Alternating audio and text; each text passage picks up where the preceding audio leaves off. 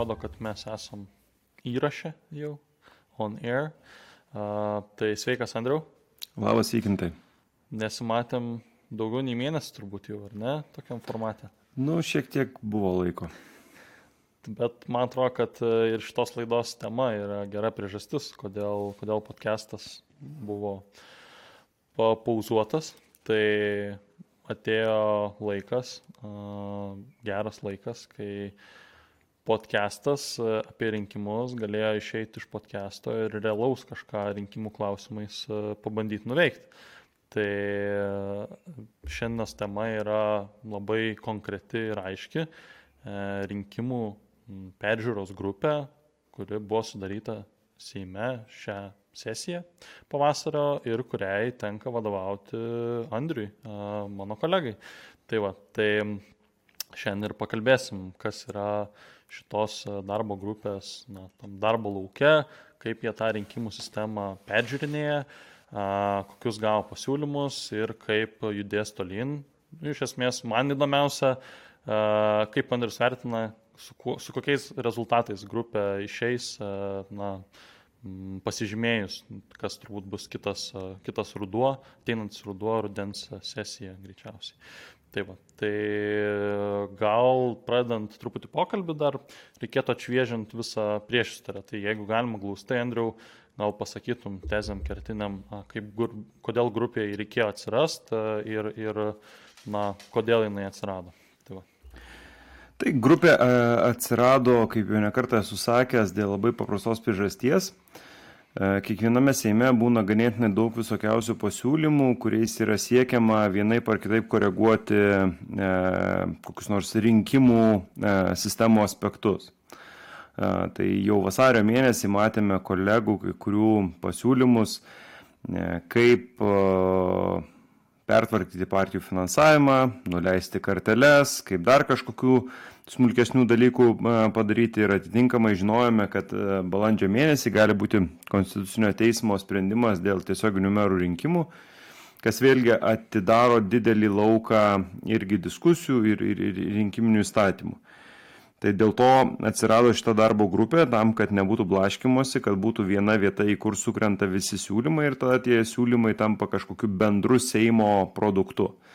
Tai va dabar tą bendrą Seimo produktą, kurį vadinam rinkimų kodeksu, turime iki rugsėjo 10 dienos padaryti. Ir kiek matau ir neturiu abejonės, kad mums tą pavyks padaryti ir padarysim tą, man atrodo, pakankamai efektyviai. O tai sakyk, o ar pavyko iš tikrųjų dabar išvengti tų paskirų iniciatyvų? Ar net ir esant grupiai neatsirado Seime veikėjų, kurie vis tiek nori savarankiškai eiti prie rinkimų sistemos ir kažką tai siūlyti?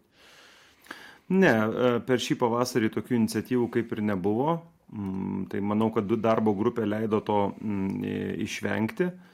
Gavom tikrai daug pasiūlymų, beveik 66 lapai visokiausios informacijos tiek iš pavienių žmonių, tiek iš organizacijų, tiek iš žiniasklaidos, tiek iš politinių partijų. Aišku, ne visų, tik tai dalis pateikė savo nuomonę.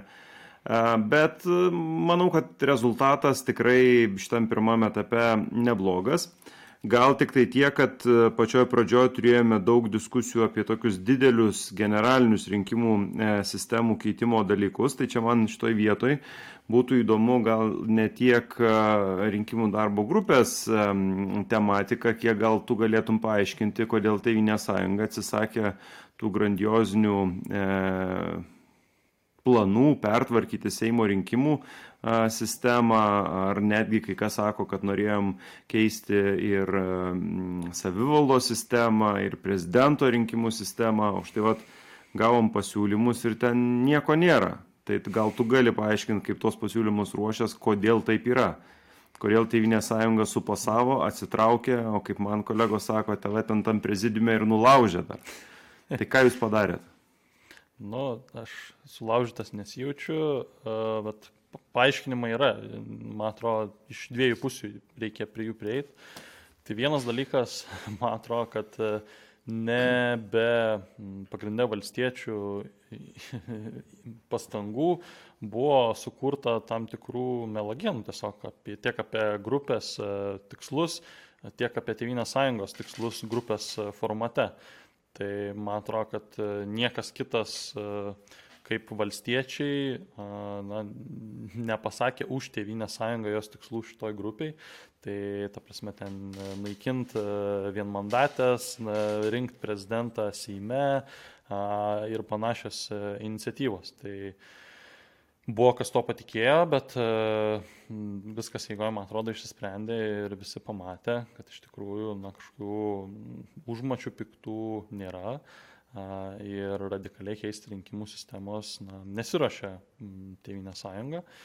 E, dėl Seimo vienmandačių ir tiesiog na, tos mišrios sistemos keitimo, kur gal tas klausimas, man atrodo, buvo na, rimčiausias, nes apie, apie prezidento rinkimus iš vis, ta prasme, buvo visiškas fejkas, o apie, apie Seimo rinkimų klausimą, tai na, pradžiai buvo iškelta mintis, na, tiesiog kas būtų, jeigu sistema būtų keičiama, ar tai ne, nedarytų Lietuvos modernesnė valstybė su modernesnė rinkimų sistema. Bet turėjome nemažai diskusijų, nemažai analizės apie tai, ką reikštų pereimas prie pilnai proporcinės rinkimų sistemos Lietuvoje. Ir pamatėm, kad na, pas mus politiniam laukia, esant nemažai, nemažai radikalių jėgų, populistinių radikalių jėgų, na, kurių su kiekvienais rinkimais būna, kad tai būtų labiausiai na, laimintys politiniai žaidėjai, keičiant rinkimų sistemą. Tai tas tiesiog na, sukėlė gilių apmąstymų apie tai, kad rinkimų sistema tokia galėtų labiau išbalansuoti mūsų politinę sistemą. Tiesiog nes joje turėtume daugiau radikalesnių, marginalesnių a, partijų. Tai va, tai čia yra pagrindinis argumentas, man jisai atrodo pakankamas. O šiaip tai, ką mes aptarėm praeitoj laidoj su, su, su Tučiu gerbiamu apie vienmandatės, tai man bent jau atrodo, kad jeigu nieks vienmandačių na, nenorės keisti dėl kažkokių tai tokių politinių sprendimų, tai tiesiog su laiku jų galiojimo laikas turbūt pasibaigs mūsų valstybei, nes kaip mes tada ir aptariam, tiesiog pasidarys vienu metu nebe, nebelogiška daryti vienmandatės regionuose, kai teks jas klyjuoti iš 6, 7, 8 na, savivaldybių. Tai jau tikrai nebebus tos vienmandatės, kurias mes žinom šiandien. Tai, tai ta rinkimų sistema turbūt natūraliai pasikeis su laiku. Tai va, toks atsakymas. Trumpai tariant, išsigandot e, šeimų sąjūdžio šeimų sąjūdžio, man atrodo, kad... Mm, ir Orlausko, kuris ateis ir visus nušluos, jau kada čia, kitą savaitę, man atrodo. Ne? Tai, nu, tai jo rinkimų sistema turbūt būtų į dantis įdėti, ką nors, tai ar ne, ir tas būtų sprendimo prieimimo garantas. Tai, va, tai man, man smagu, kad rinkimų sistemos jūsų grupiai nėra Orlausko ir net net valstiečiai, kurie gal ir negarbingai vietom pasielgia, bet dabar į, į grupę grįžo. Tai, tai sakyčiau, man atrodo, viskas neblogai einasi. Taip, tikrai grupiai įdomiausia, kai vienmandačių atsisakymą iš tikrųjų labiausiai gina Laisvės partija ir socialdemokratų atstovas. Tai taip, na, dabar jaučiuosi ganėtinai įdomiai, bet na, man atrodo, kad verta buvo turėti tą diskusiją. Ta diskusija buvo daugelypė su politologais ir viešoje erdvėje. Jis parodė iš tikrųjų, kas, kas yra tie žaidėjai, kurie labiausiai nori e, sistemos keitimo arba nekeitimo. Kas mane galbūt labiausiai stebina, kad na, dažnai netgi tose mažesnėse marginaliuose partijose, neparlamentinėse partijose nėra supratimo, kaip veikia rinkimų sistema. Tarkim, drąsos kelias ar kiti siūlo palikti tik tai vienmandatės apygardas, nes žmonės to nori. Kai, na, Bet kas, kas šiek tiek yra praėjęs bent vieną kursą politologijos ir rinkimų sistemų, puikiai supranta, kad tokiom mažom marginaliom partijom vienmandatės apygardos yra no visiškai. Pasižiūrėkime į Ameriką, pasižiūrėkime į Prancūziją ir panašiai. Bet aš tai sutinku su tuo argumentu, kurį ir tu, ir, ir, ir mūsų partija išsakė, kad e, iš tikrųjų dabartinė mūsų rinkimų sistema su visais jos netobulumais, bet jinai leidžia turėti tam tikrą balansą. Balansą tarp e, didelių tradicinių politinių jėgų ir tų tokių na, radikalių veikėjų.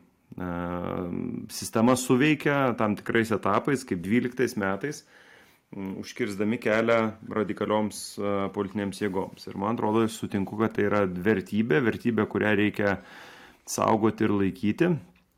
Aišku, reikia iš karto turėti omenyje, kad jeigu mes turime tokius žaidėjus populistinius kaip 16 metais Lietuvos valstijos žaliųjų sąjunga, ar netgi ta pati darbo partija 2004 metais, ar netgi 2012 metais, kurie ateina į rinkimų sistemą, į rinkimus su tokia nuosaikesnė mm, socialiai orientuota žinute, be aštrių kampų, be aštrių vertybinių kampų, tai jiems irgi tokia sistema yra naudinga, nes jie gali pritraukti daugiau to e, elektorato.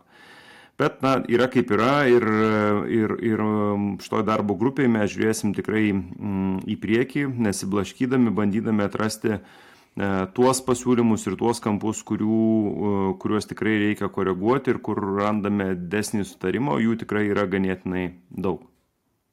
Okay.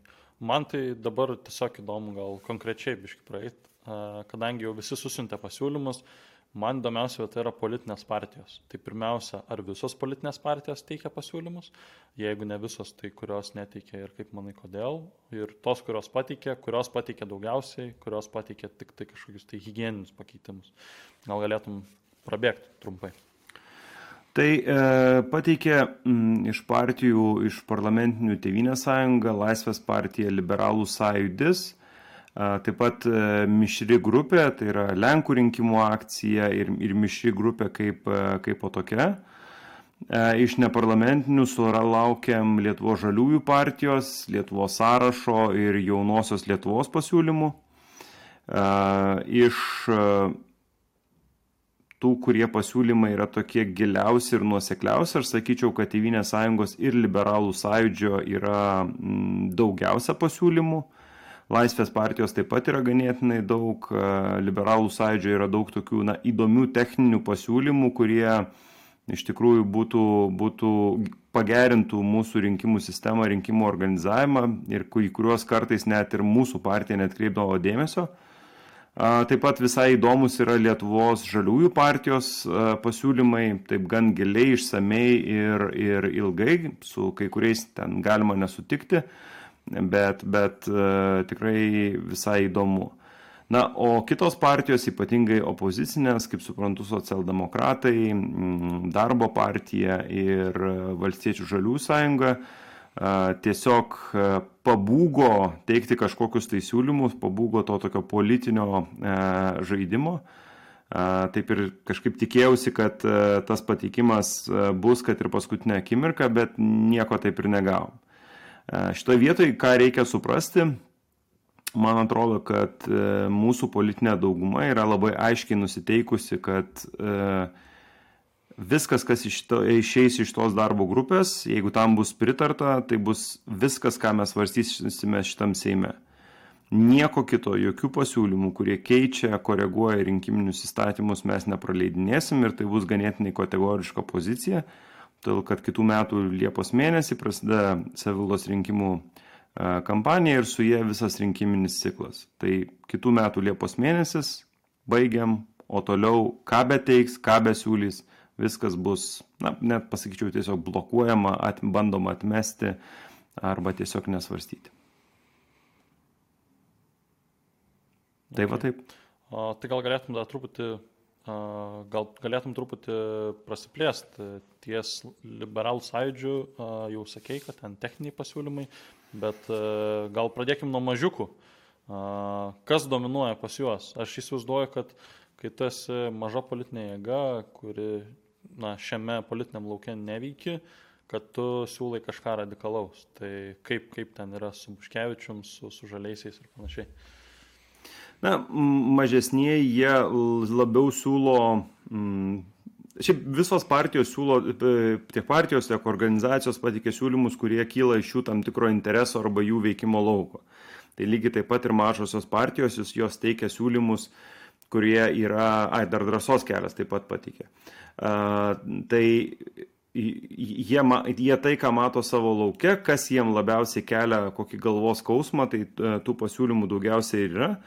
Tai tarkime, Lietuvo žaliųjų partija siūlo koreguoti ir partijų finansavimą, atsisakyti na taip sakykim neatsisakyti valstybinio partijų finansavimo bet neleisti partijoms valstybinio finansavimo naudoti rinkimų kampanijai e, kiti kiti subjektai kitos organizacijos ar pavieniai asmenys yra pasiūlę net apskritai atsisakyti e, tokio finansavimo tada dominuoja pasiūlymuose mažesnių partijų debatų klausimas kad būtų nustatoma, jog na, debatai turėtų vykti tik tai tokiu na, burtų keliu nacionalinėje televizijoje, kad visi gautų daugiau eterio, kad mažosios partijos galėtų diskutuoti su didžiosiomis partijomis ir panašiai.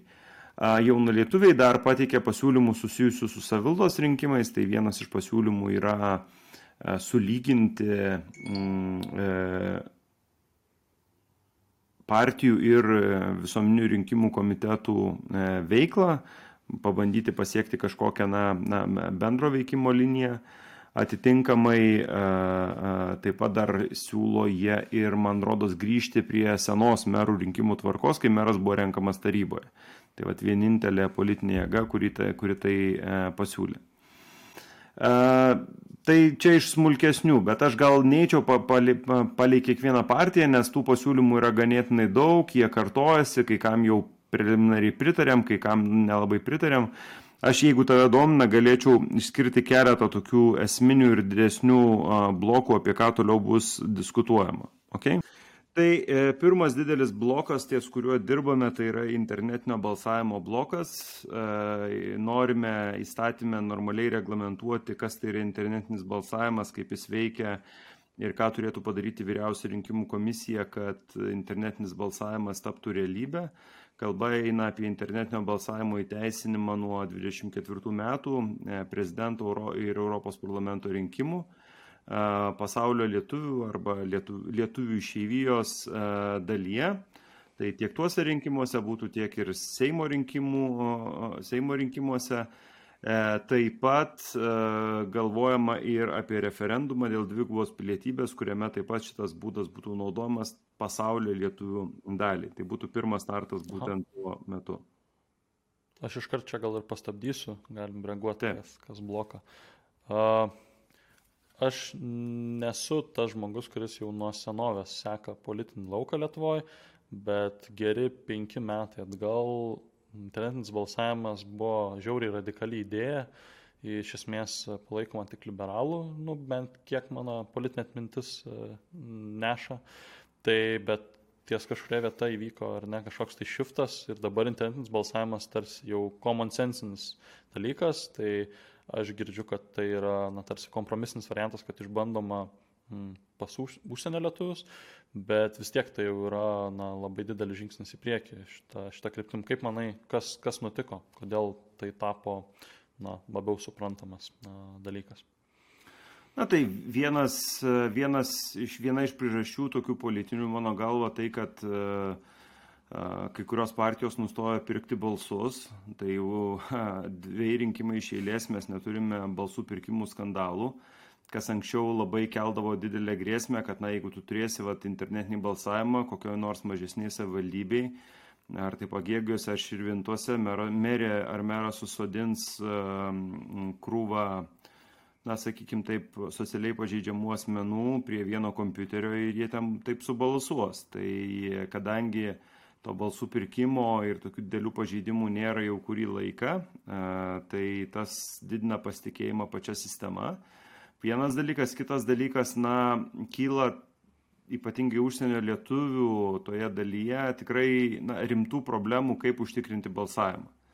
Ir dabar, kai turime pasaulio lietuvių vienmandatę apygardą, tas poreikis yra didesnis, reikia siekti aktyvesnio pasaulio lietuvių mūsų diasporos dalyvavimo.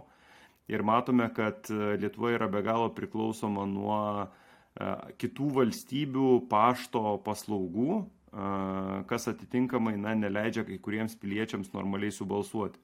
Pavyzdžiui, šiuose rinkimuose gal nebuvo dėlės problemos su Italijos paštu, bet anksčiau būdavo taip, kad e, Italijos paštas vėluodavo apie mėnesį. Kitaip tariant, Italijos lietuviai negalėdavo paštų normaliai subalsuoti ir tai būdavo ganėtinai didelė e, problema. Tai e, tai manom, kad yra negera, negera praktika, ne, ne, negeras dalykas, dėl to internetinis balsavimas leistų tai paspręsti, padidinti pasaulio lietuvių būtent tą aktyvumą. Tai e, e, čia pas mane voras tik praslinko. Jo, tai a, pasaulio lietuvių bendruomenės daliai tai būtų svarbus dalykas. A, ir na, Lietuvai tai yra didelis technologinis iššūk, iššūkis. Tai jeigu su to iššūkiu susitvarkysime, pirmas testas būtent su pasaulio lietuvių bendruomenė, kuri ir yra ganėtinai tinkama tokiam testui, nes vis tiek ten yra daugiau a, internetinių ar internetinių paslaugų vartotojų, vartotojų, kurie na, seka ir naujienas ir gali, e, gali pasinaudoti šitą priemonę. Tai tai yra tiesiog geras testas. Tai man atrodo yra toks politinis sutarimas dėl to ir mūsų frakcija neprieštarauja, kad, kad, kad būtų būtent pabandoma su pasaulio lietuvių bendruomenė Yra ir kitų šalių, kurios tą daro, prancūzai turi internetinį balsavimą būtent e, diasporai. Tai manom, kad tai būtų visai geras, e, geras dalykas. Okay. Skamba logiškai. E, kitas, kitas blokas tai yra debatai. Matome daug pasiūlymų dėl debatų ir čia reikės ir partijų tokio įsitraukimo. Visi supranta, kad dabartinė debatų sistema, debatų tvarka yra na, tiesiog nesąmonė.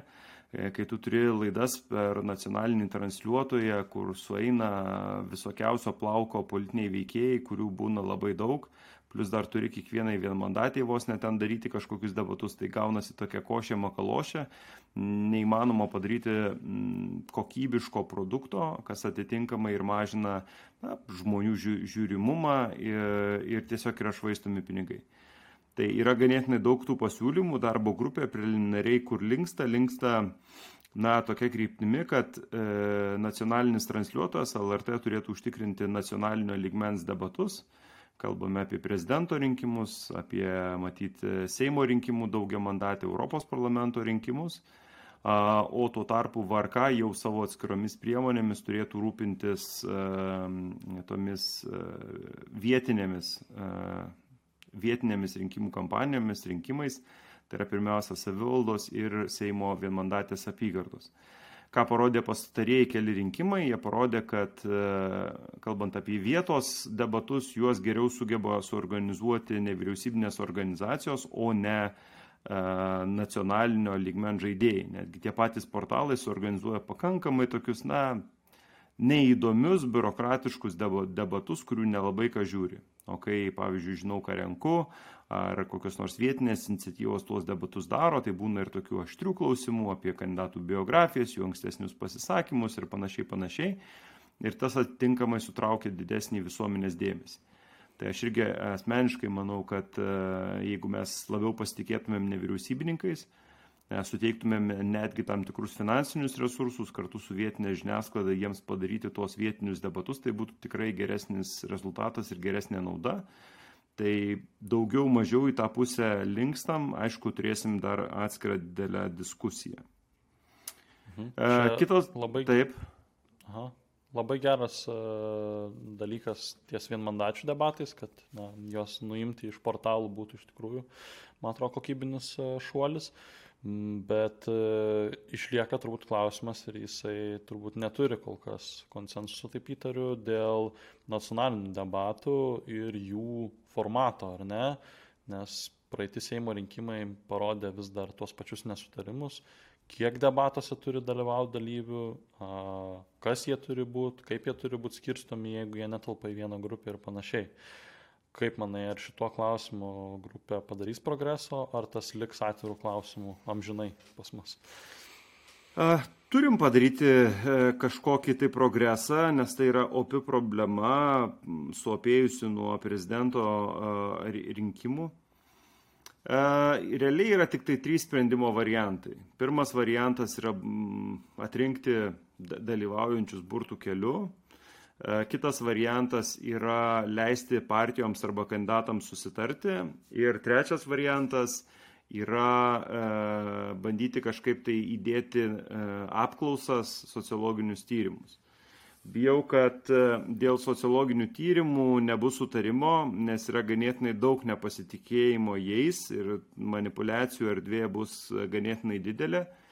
Todėl aš matyčiau galbūt kažkokią kombinaciją tarp tų dviejų pirmųjų variantų. Tai yra burtų traukimas ir galimybė partijoms ar kitiems rinkimų dalyviams tiesiog sutarti, kas dalyvauja rinkimuose. Aišku, čia reikia ir tam tikro prodingumo kriterijaus, jeigu tarkime yra penki kandidatai, tai ten nėra kam tartis, tiesiog visi jie penki dalyvauja. Jeigu turime kažkokį didesnį skaičių, tada galima skaidyti į atskiras grupės. Nors vėlgi, jeigu turi vien mandatę apygardą ar kandidatus į merus, tai tų tas skaičius niekada nebūna labai didelis, jų būna, na, maks 10, tai tuos 10 tikrai galima bandyti kažkaip tai sutalpinti į vieną, vieną tą erdvę bet kai turime 17 ar 16 politinių partijų, tai natūralu, kad skaidai po 5 ir turi kažkokį tai nu tokį logiškesnį dalyvių skaičių. Tai aš esu šalininkas už, už tai, kad e, politinės jėgos turėtų galimybę tartis ir susitarti, kas debatuoja. Ta praktika yra ir ta praktika buvo visai teisinga ir sveika. Atsimenu, paskutinį kartą per Europos parlamento rinkimus turėjome galimybę susitart Tai susitarėm su Tevinės sąjunga, Sosdemai, valstiečiai, dar ten porą didesnių partijų, kad einame į vienus debatus ir, ir debatavom. Ir ta žmonė, matyt, suteikia, uh, suteikia kažkokį tai tokį, na, uh, didesnį, įdomesnį uh, vaizdą, nes, na, ta, tie debatai su tom, na, sakyčiau, taip, nerimtom, smulkiom partijom, na, jie nieko neduoda. Na, kas iš to, kad ateina ten uh, nežinau, Europos parlamento debatuose Andrius Kubilius e, ir ta ponė su, su lasda. Nu, ir, ir, ir, kas iš to, nu, kokie ten debatai, apie ką jie gali debatuoti. Vienas tikrai bus Europos parlamento narių ir kalba apie Europos parlamentą, nesupranta, kas, kas, kas, kas yra tai. O, na, kita pusė tiesiog reikia ir mojuoja lasda. Tai kas iš to? Užtikrinama teisė kitai pusiai mojuoti su lasda nu, turim pasverti, kur yra tas viešosios naudos elementas, kas yra naudingiau visuomeniai. Ar rimti debatai apie tai, kas iš tikrųjų vyks, ar mojavimas su lasda. Tai aš visada pasisakau už e, tą rimtą debatą, už, už, už, už rimtą reikalą, e, nors aišku, tame yra gal kažkokios ten diskriminacijos, bet na, e, šiam pasaulyje tai yra neišvengiama. Aha. Man patinka labiausiai tas partijų susitarimo variantas, vien dėl to, kad jisai nuima tarsi na, bet kokią beveik atsakomybę nuo organizatorių debatų. Ir na, neatsitinka da, turbūt kurioziškos situacijos, kaip su LRT buvo per Seimo rinkimus, ar ne, kad jie Taip. taikė apklausų modelį, pralaimėjo teismą ir na, turėjo keisti debatų tvarką. Tai, o jeigu partijos taip sutarė, tai tokia jų valia. Tai jo, Taip. matyt, galim judėti prie kito klausimo aptarę. Trečiasis blokas tai yra e, aukos ir partijų finansavimas, e, ypatingai smulkių aukų klausimas. E, kažko labai radikalaus partijų finansavimo sistemoje tikrai neketiname daryti ir tokių pasiūlymų nėra, bet reikia sutvarkyti tą galimybę piliečiams aukoti smulkes aukas. Smulkios aukos galėtų būti ne 12 eurų, bet iki 100 eurų, tai toks irgi yra common sensas, kad, kad, kad galima į tą pusę judėti, atitinkamai ir nuimti prievalę deklaruoti turtą, nes tai yra pertiklinis e, dalykas. Tai supaprastinimas ir didesnis įtraukimas visuomenės į rinkimų kampanijų ir partijų finansavimą, netgi ne rinkiminių laikotarpių, o ir tarp rinkimų. Ne, tikriausiai yra tas kelias, kuriuo reikia ne, judėti ir, ir manau, kad čia rasim sutarimą. Mhm. Man e, ruošiant pasiūlymus šitą temą teko gilintis į tos klausimus e, įstatymuose. Tai nu, vienam konkrečiam finansavimo įstatymė, tai susidarė toks įspūdis, kad 11 metais, rodos, kai buvo priimtos tos griežtosios pataisos, kur dominavo šiaip klausimas dėl juridinių asmenų paramos, bet ir šiaip buvo labai daug kur suveršta griežtai. A, tai toks jausmas, kad tais metais taip griežtai suveržė, kad dabar jau mes po poros trijų rinkimų ciklų suprantam, kurie dalykai netgi buvo per griežti ir tenka kai ką biškai palaisvint, kad, kad viskas sklandžiau tiesiog veiktų saugumo ribos. Tai va toks įspūdis man iš, iš šito klausimo. Sutinku, gal tuo metu, kai buvo priiminėjama, nebuvo įprasta, kad na, paprasti piliečiai, paprasti žmonės, nejuridiniai asmenys aukotų politinėms partijoms. Bet tai, ką matome pastaruoju metu, nuo prezidento rinkimų iki netų pačių Seimo rinkimų, tai tų smulkių aukų tikrai yra ganėtinai daug. Žmonės aukoja labai mielai, įdeda tą vieną ar kitą eurą į tas kažkokį tai bendrą reikalą. Ir man atrodo, tai yra teisingas ir geras, geras kelias, jisai įtraukia žmonės, leidžia politikams, na, bendrauti, prašyti tų aukų ir panašiai, ir tuo keliu reikia judėti, tai yra geras pilietinio aktyvumo veiksmas. E, kitas blokas tai yra politinė reklama. Ir daugiausia diskutuojame apie politinę reklamą socialiniuose tinkluose nes ta dabartinė situacija, kokia yra, ypatingai Facebook'e, yra tiesiog nonsensas. Štai ir šiandien žinau, kad VRK svarstė vieną klausimą, kur vienas pilietis apskundė krūvą politikų, kad jų na, prieš rinkimus paskelbta kažkokia informacija apie ten savo darbą ar kažkokią politinę poziciją nebuvo tinkamai pažymėta kaip politinė e, reklama. Tai tiek VRK, tiek ir, ir, ir, ir partijos pasiūlė, kad VRK pirmininkė tiksliau kad būtų toks na, aiškus atribojimas, kad jeigu asmo veikia savo Facebook'o profilio rėmuose, ten nereikėtų žymėti politinės reklamos. Kodėl? Todėl, kad e, tai aiškiai e, e, yra nulemta to paties Facebook algoritmų. Tu profilyje negali pirkti reklamos, ten nevaikšto pinigai, nu, tiesiog neįmanoma to padaryti. Tai jeigu neįmanoma padaryti, nu, tai ir nereikia žymėti, nes žymėjimas yra skirtas kontrolė, o tai ką tu kontroliuosi, kad žmogus paskelbė savo asmeninę nuomonę ir tiek.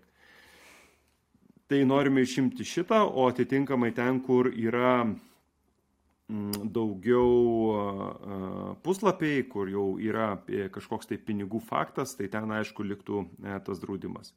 Atitinkamai tai nulemtų, kad Ir paprastas pilietis parašė savo tokį na, nuomonę, agitacinę kažkokią tai e, medžiagą, net už kažkokį tai kandidatą ar partiją, nebūtų baudžiamas, kad neva paskleidė politinę reklamą, nes tokių situacijų irgi e, pasitaiko. Kažkokių daugiau didesnių politinės reklamos pakeitimų galbūt irgi neketintumėm e, daryti, e, nes daugiau mažiau visa kita yra sureguliuota taip pusėtinai neblogai. O kaip su influenceriais šitų klausimų? Aš labai laukiu, kada VRK pradės analizuoti, ką reiškia influenceris, kviesis juos pas save ir, ir bandys apriboti jų politinę reklamą. Čia tikriausiai reikėtų vėlgi atskirti porą dalykų. Tai yra tai, kai, kada influenceriui yra mokami pinigai, nes yra tokia mokama paslauga. Tai natūralu, jeigu yra mokami pinigai, tai turėtų būti deklaruojama, deklaruojami įkainiai ir panašiai. E, tai kalbėsime su VRK, ar tai yra padaroma, ar tą reikia daryti ar nereikia. Atitinkamai kitais atvejais, kai tai yra daroma nemokamai, kai tai yra daroma e, pas, paskelbent savo kažkokią tai nuomonę, tai aš tame nematau asmeniškai didelės problemos. Aš matau problemą tada, kai tame dalyvauja pinigai, kai yra piniginis tam tikras santykis, kai tai yra mokama paslauga. Nu, o jeigu žmogus turintis daug sekėjų išreiškia savo nuomonę už kažkokį tai kandidatą, nu tai ką darysi? Tiesiog taip yra, nu jis palaiko, visi mes turime tą pačią pilietinę teisę. Kitas blokas yra susijęs su merų rinkimais, su savivalda. Kažkokių didelių pakeitimų savivaldos rinkimų tvarkoje neplanuojame, tiesiog reikės tą merų esamą rinkimo tvarką įteisinti naujų įstatymų. E, bet tas paaiškės šiek tiek, e, na, neužilgo, bet šiek tiek vėliau, kai jau mes matysime Seime, kaip atrodys konstitucinė pataisa. Tiesa, mūsų darbas, mūsų darbo grupės bus toks labai paprastas, nes tiesiog reikės paimti ir pasakyti, kad na, įstatymė įrašyti, kad meras renkamas dviejų turų sistema. Pirmas turas toks, kaip esame įpratę, antras turas toks, koks esame, kokiame esame įpratę būti. Tai čia bus didelis blokas, bet šiaip ir ganėtinai e, smulkus turinio prasme. Hmm.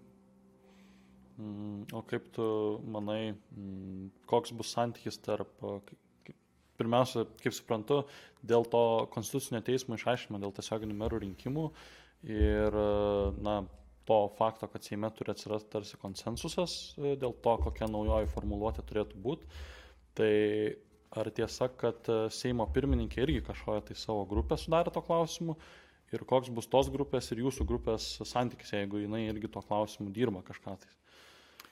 Tai Seimo pirmininkė tiesiog e, kars nuo karto, ne kars nuo karto, kiekvieną savaitę kviečiasi frakcijų seniūnus arba valdančiųjų e, frakcijų e, atstovus kalbėtis apie konstitucinę formuluotę. Jos darbas yra rasti konsensusą dėl konstitucinės formuluotės.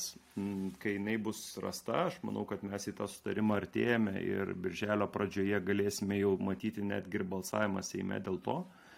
Tai kai šitas dalykas bus padarytas, tada atitinkamai e, toliau keliausime į rinkimų įstatymą, e, tai jau čia bus mūsų darbo grupės darbas.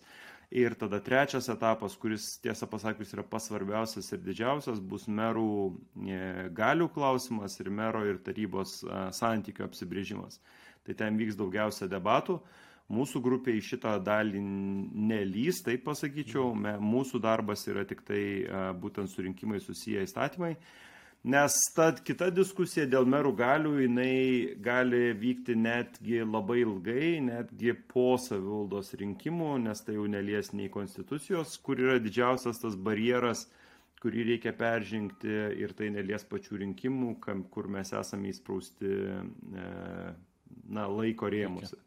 Čia reikia suprasti, kad e, tarybos, mero ir savivaldos galių klausimas šiaip yra nuolatos Seime svarstomas ir koreguojamas, priimant daugybę įstatymų, priimam kokį nors, nežinau, ten e, va dabar pa, pa, pa, paskutiniai pataisimai dėl želdynų ir pridedam papildomas funkcijas valdybėje. Ir diskutuojame apie tai, ar ten turi būti deleguota funkcija ar savarankiška funkcija. Tai tas vyksta nuolatos, nuolatiniai debatai Seime dėl mažesnių ar didesnių dalykų.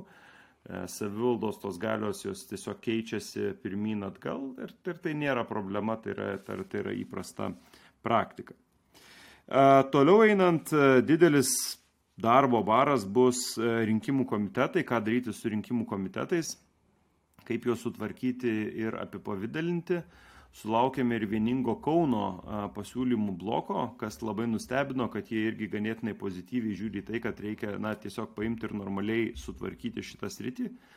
E, jų pasiūlymai, tiesą pasakius, beveik nesiskiria nuo politinių partijų. Jie nori, kad mm, rinkimų komitetai turėtų juridinį statusą, kad turėtų atskaitomybę, kad veiktų ne tik prieš rinkimus, bet ir tarp rinkimų. E, Aišku, jie nori dar vieno dalyko, tai yra valstybinio finansavimo. E, į, ką, į tai aš žiūriu taip, na, ir su pliusais, ir su minusais. E, pliusas yra toks, kad, na, kadangi aš žinau iš partijos pusės, kaip tas veikia, tai aš nežinau, ar rinkimų komitetai iš tikrųjų norėtų turėti tą valstybinį finansavimą, nes uh, E, tipiškas rinkimų komitetas, paskaičiuojam tiem finansavimo toks, koks partijoms gautų ten kokius 2-3 tūkstančius eurų, o kiek reikėtų pateikti ataskaitų ir visokiausios finansinės atskaitomybės dokumentų turėti auditą, kurį, pavyzdžiui, Tevinė sąjunga turi kiekvienų metų gale ir aš matau, taip sakant, užkritusias mūsų finansininkų akis, kurie su tuo auditu tvarkosi kiekvieną lapelį peržiūrėdami ir, ir, ir, ir, ir e, pateikdami auditoriui, tai tikrai yra sunkus didelis darbas ir kiekvienam tam rinkimų komitetui tai bus tikrai ganėtinai sudėtinga, bet jie to nori. Ar, ne? ar tai valstybei būtų didelė našta? Ne, tai nebūtų didelė našta, tai nebūtų labai dideli pinigai, atskaitomybė būtų didelė bet galbūt galima ieškoti kažkokių tai variantų, kad jie nebūtinai gautų tą valstybinį finansavimą, kuris tiesą pasakius yra aktualiausias tik tai būtent vieningam Kaunui, kuris yra didžiausias rinkimų komitetas, turintis didžiausią rinkėjų palaikymą. Kažkas čia bandė, man atrodo, darbo grupiai skaičiuoti, kad jie galėtų gauti apie 50 tūkstančių eurų e, per metus, kas šiaip yra nu, didžiulė, didžiulė suma net ir e, kitos politinės partijos tiek negali skirti, e, skirti e, savo vietiniams padaliniams. Bet, bet, bet, bet, na, apie tai vyks diskusija. Esminis dalykas, esminis galvos skausmas tai yra santykis su partijom, kaip jį suvienodinti, kaip padaryti, kad rinkimų komitetai iš tikrųjų būtų arti politinių partijų. Nes pripažinkime, kad na, šiaip jau savildos rinkimuose, ar tai partija, ar tai rinkimų komitetas, jie nesiskiria absoliučiai niekuo. Tai yra tas pats politinio lauko žaidėjas, suvienytas tų pačių tikslų, e, dalyvaujantis tuose pačiuose rinkimuose, e, tik tai visuomeniai rinkimų komitetai yra išimti iš visos finansinės atskaitomybės, rinkiminės atskaitomybės ir netgi jiems yra suteiktas na, tas statusas, kad yra visuomeniniai, suprask, partijos tai čia ne iš visuomenės kylančios, čia iš kažkur tai iš Vilniaus nuleidžiamos, o jie tai va iš visuomenės. Ne, tai yra tos pačios politinės organizacijos ir reikia tą pripažinti ir, ir, ir, ir sutvarkyti. Aš dar mini, mini komentarą, klausimą gal turiu. Yra dar ir Europos parlamento rinkimų komitetai, kurie irgi ar ne gyvena tam tikruose laukiniuose vakaruose šiuo metu. Bet e, man irgi tada kyla klausimas, na, ta dotacija yra skaičiuojama tam pagal keletą dalykų, tas koficijantas, ar ne, pagal surinktus balsus, pagal mandatus e, ir pagal dar kažką turbūt, ar ne. Tai taip išeitų, kad dabar Maldychienės traukinio politinė organizacija, jeigu jinai būtų užregistruota, jinai irgi pretenduotų į visai solidžią sumą, ar ne, nes ten surinko gal 70 tūkstančių balsų, kas nėra mažai. Teisingai suprantu. E, teisingai supranti, bet ta suma būtų mažesnė dėl to, kad jie dalyvauja tik vienuose rinkimuose. Konstitucinis teismas aiškiai yra pasakęs, kad e, Seimo rinkimuose e, taip kaip yra dabar, taip yra teisinga ir taip gali dalyvauti visi žaidėjai, todėl kad gali dalyvauti ir nepriklausomi kandidatai, save išsikeldami vienmandatės apygardose. Tai Seimo rinkimuose niekada nebus jokių rinkimų komitetų ir tai apie tai net negali būti kalbos. E, partijų finansavime Seimo rinkimai turi didžiausią svorį ir lemia didžiausią pinigų kiekį. E, Europos parlamento rinkimai mūsų svoris yra šiek tiek mažesnis, e, dėl to ir tas finansavimas būtų mažesnis. Savivaldos irgi yra panašiai kaip Europos parlamento, jeigu gerai atsimenu. Bet vėlgi čia reikia labai diskutuoti ir labai taip aiškiai sutarti, kur yra riba, ar ne, kur yra riba tarp politinės partijos ir rinkimų komitetų. Jeigu rinkimų komitetui tu netaikai tokio paties įsisteigimo, jeigu tu netaikai tokių pačių veiklos kriterijų, tik tai, na, pasakai, kad žiūrėkit, jūs turite būti na, juridinis asmuo tam, kad jums būtų galima taikyti atsako, atskaitomybę ir atsakomybę, jeigu jūs darote kažkokius tai pažeidimus ir kad jūs neturite manipuliuoti visuomenės nuomonę, E, e, e, savo pavadinimuose ir įsirašydami jūsų kandidato į merus vardą, ko partija negali. Partija, Nativinė sąjunga negali pakeisti savo pavadinimo ir sakyti, mes esame Landsbergio partija. Nu, negali tai būti, tiesiog ne, nepriimtų jų tų teisingumo ministerija tokio pavadinimo. O štai visuomeninis rinkimų komitetas gali turėti savo pavadinime vardą pavardę. Pavyzdžiui, Visvaldo Matijošaičio komitetas. Gali būti, nu, gali būti. Ir tai yra neteisingas dalykas, tai yra ne vienodo žaidimo taisyklės, nes tie, kas dirbame su rinkimų kampanijomis, kas užsimame rinkiminėmis technologijomis, suprantame, kad na, vardo pavardės įdėjimas yra stiprus ginklas. Tai yra stipri rinkimų kampanijos priemonė, ypatingai kai turi populiarią asmenybę. Na ir tada tas, tas nepartiškumo aura, visuomeniškumo aura irgi atitinkamai veikia labai a, panašiai. Tai šitus dalykus sulyginus, visą kitą paliekant pa, a, taip, kaip yra, galbūt ir galima a, nesuteikti valstybinio finansavimo visuomenėms rinkimų komitetams, labai aiškiai pasakant, kad žiūrėkit, jeigu jūs norite finansavimo, įsisteikite kaip politinės partijos, gausite finansavimą net ir dalyvaudami vienose savivaldos rinkimuose, Kaune ar dar kažkur. Viskas labai paprasta tvarka. Tai čia yra, yra toks klaustukas, yra, yra, yra a, rimta diskusija, kurią mums reikės praeiti. Tai aš manau, kad mes ją turėsim ir surasime kažkokį tai e, variantą, nes į tai yra linkstama. Na ir paskutinis iš tokių didesnių blokų, nes tų pasmulkių pasiūlymų ten dėl VRK, dėl iš ankstinio balsavimo laikų, valandų yra tikrai daug tai yra tretieji asmenys. tretieji asmenys, kurie dalyvauja rinkimuose vienai par kitaip. Kalba eina apie tiek fizinius asmenys, tiek ir juridinius asmenys, kurie daro kažkokius politinės kampanijos veiksmus. Kur yra problema? Problema yra tokia, kad e, jaučiame ir matome, kad e, perspektyvoje bus vis daugiau visokiausių visuomeninių grupių, kurios bandys išreikšti savo nuomonę ir daryti įtaką rinkimų procesui. Ir tai yra absoliučiai geras ir normalus e, dalykas.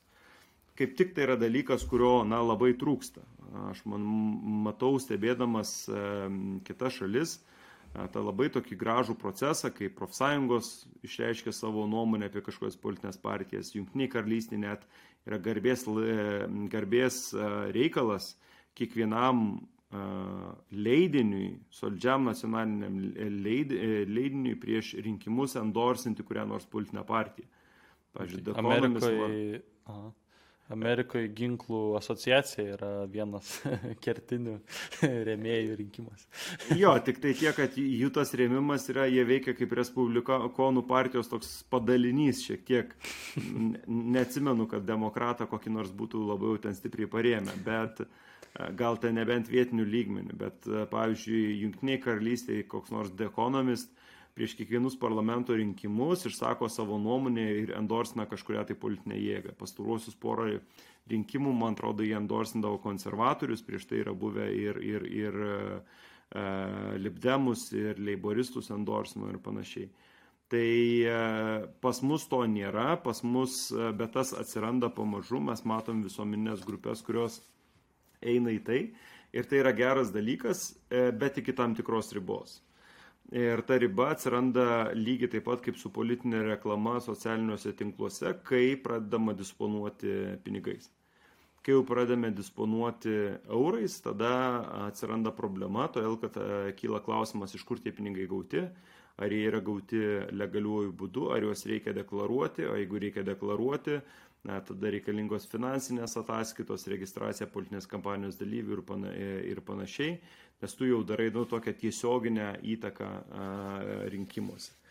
Tai šitas dalykas nėra sureguliuotas ir jį reikia sureguliuoti būtent mūsų darbo grupiai. Kaip tas sureguliavimas bus padarytas, kol kas dar yra sunku pasakyti. Tiesiog problema, kad tą sunku apskritai padaryti. Kodėl? Todėl, kad jeigu imtum ir nubrėžtum ribą, kad, na, tarkime, ten E, koks nors juridinis asmo gali išleisti, e, nežinau, iki tūkstančio eurų, vat, agituodamas už kažkokį tai kandidatą. Nu, tai Ramūnas Karbauskis turi kokias, nežinau, 10-15 uh, uždarųjų akcinių bendrovių, žemės ūkio bendrovių ir panašiai. Ir kiekvienai tai ta bendruomenė tūkstančių eurų išleidžia lankstinuką arba kažkokią tai reklamą agituodama už valstiečių partiją. Ar tai būtų sažininga? Ne, tai nebūtų sažininga, bet tai atsirastų to tam tikra a, a, landa. Lygiai taip pat reikia suprasti, kad net ir tūkstantis eurų šiaip rinkimuose, lietuviškose rinkimuose gali padaryti lemiamą įtaką, ypatingai vienmandatėse apygardose, kur kaip Utenoje ir kitose teritorijose matėme vieno ar kelių balsų persvarą laimimus rinkimus. Tai tūkstantis eurų, tiesą pasakius, vienmandatė yra, na, net sakyčiau, taip, įmant visus kandidatus, galima nesakyti, kad beveik vidurkis e, vidutinės išlaidos. Ir ne visi kandidatai tokias sumas turi. Tai tiesiog tai yra prasta praktika, e, tai yra negera praktika, tai yra praktika, jeigu mes taip labai liberalizuotumėm šitą rinką, mes eitumėm tokiu amerikietišku keliu, kur jie turi tuos super packs, kurie buvo įtvirtinti po aukščiausio teismo sprendimo ir kurie atvėrė Pandoros skrynę būtent juridinių asmenų pinigų plaukimui į kairę ir į, ir į dešinę.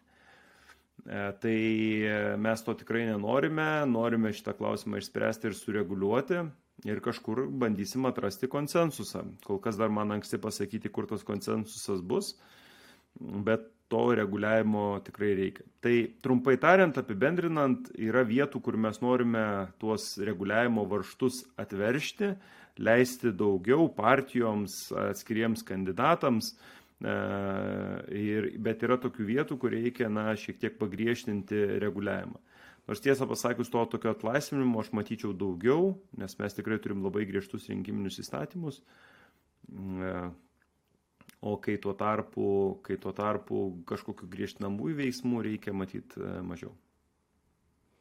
Ok, tai aš dar pabaigai noriu paklausti dar dėl vieno siūlymo, kurį teikia Tevinė sąjunga ir kuris nebuvo paminėtas.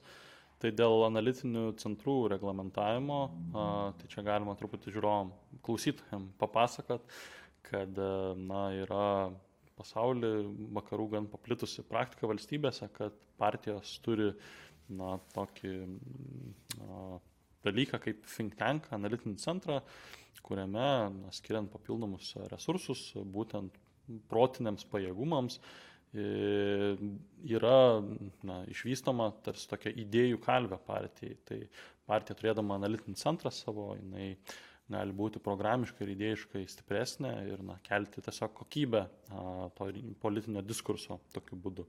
Tai, va, tai Lietuvoje yra tas dalykas normaliai nereglamentuotas, tie think tankai.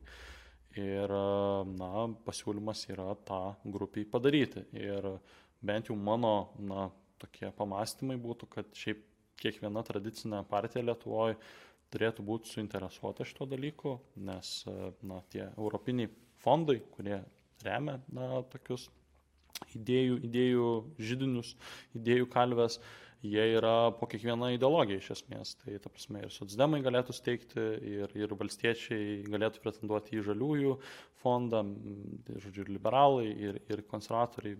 Po, visos politinės pažiūros tradicinės turi savo tos fondus. Tai, va, tai toks yra kontekstas, o kokia bus realybė, Andriu, su šitų klausimų?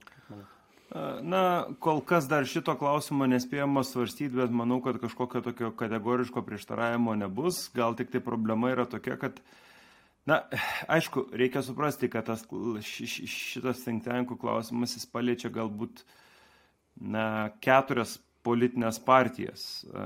Kodėl? Todėl, kad yra tik tai keturios politinės partijos parlamente, kurios, na, bando kažkiek tai savo programas remti turiniu. Tai yra Tevinė sąjunga, abi liberalios partijos ir socialdemokratai.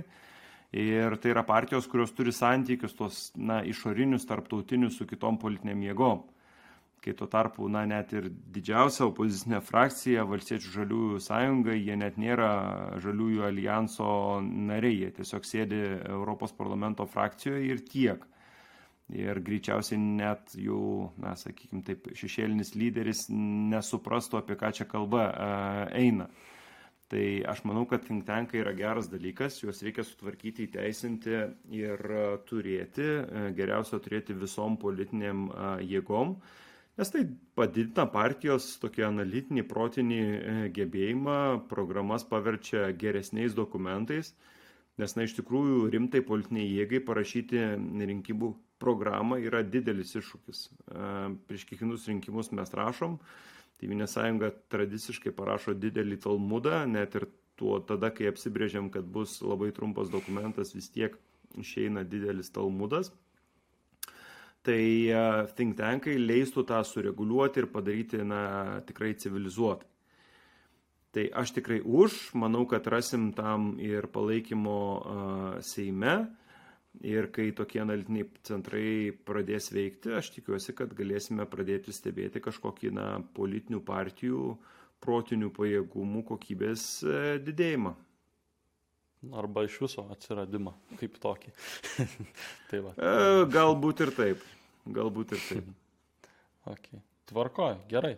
Tai man atrodo, kad praėjom kertinius punktus, šiaip skamba uh, žadančiai. Uh, kad, kad tikrai tų rezultatų bus ir man atrodo, kad uh, man patinka, kad pažiūrėta konservatyviai ir, ir nesinori keisti kažko radikaliai, ko nereikia ir einama prie dalykų, kurie, kurie vis tiek gali būti svarbus ir esmingi sistemai būti geresniai. Tai va, tai man belieka palinkėti jum sėkmės e, savo, savo darbuose, e, atidžiai stebėsim toliau, tiek aš, tiek matyt klausytojai kurie susidomės šito projektu. Tai va, tai mm, baigiamasis tavo žodis. Ačiū ir sėkmės. Gerai, tvarko. Ačiū, kas klausėt, iki kitų kartų. Tikėkime, kad jau dabar dažniau biškė. Bandysim. E, dar vienas e, visiems klausytojams, kurie išklausėte iki pabaigos. Jeigu gerai išmanote Izraelio klausimą e, ir suprantate, kas vyksta jų partiniai sistemai, atsiliepkite, norėtumėm su jumis padaryti podcastą. Ačiū.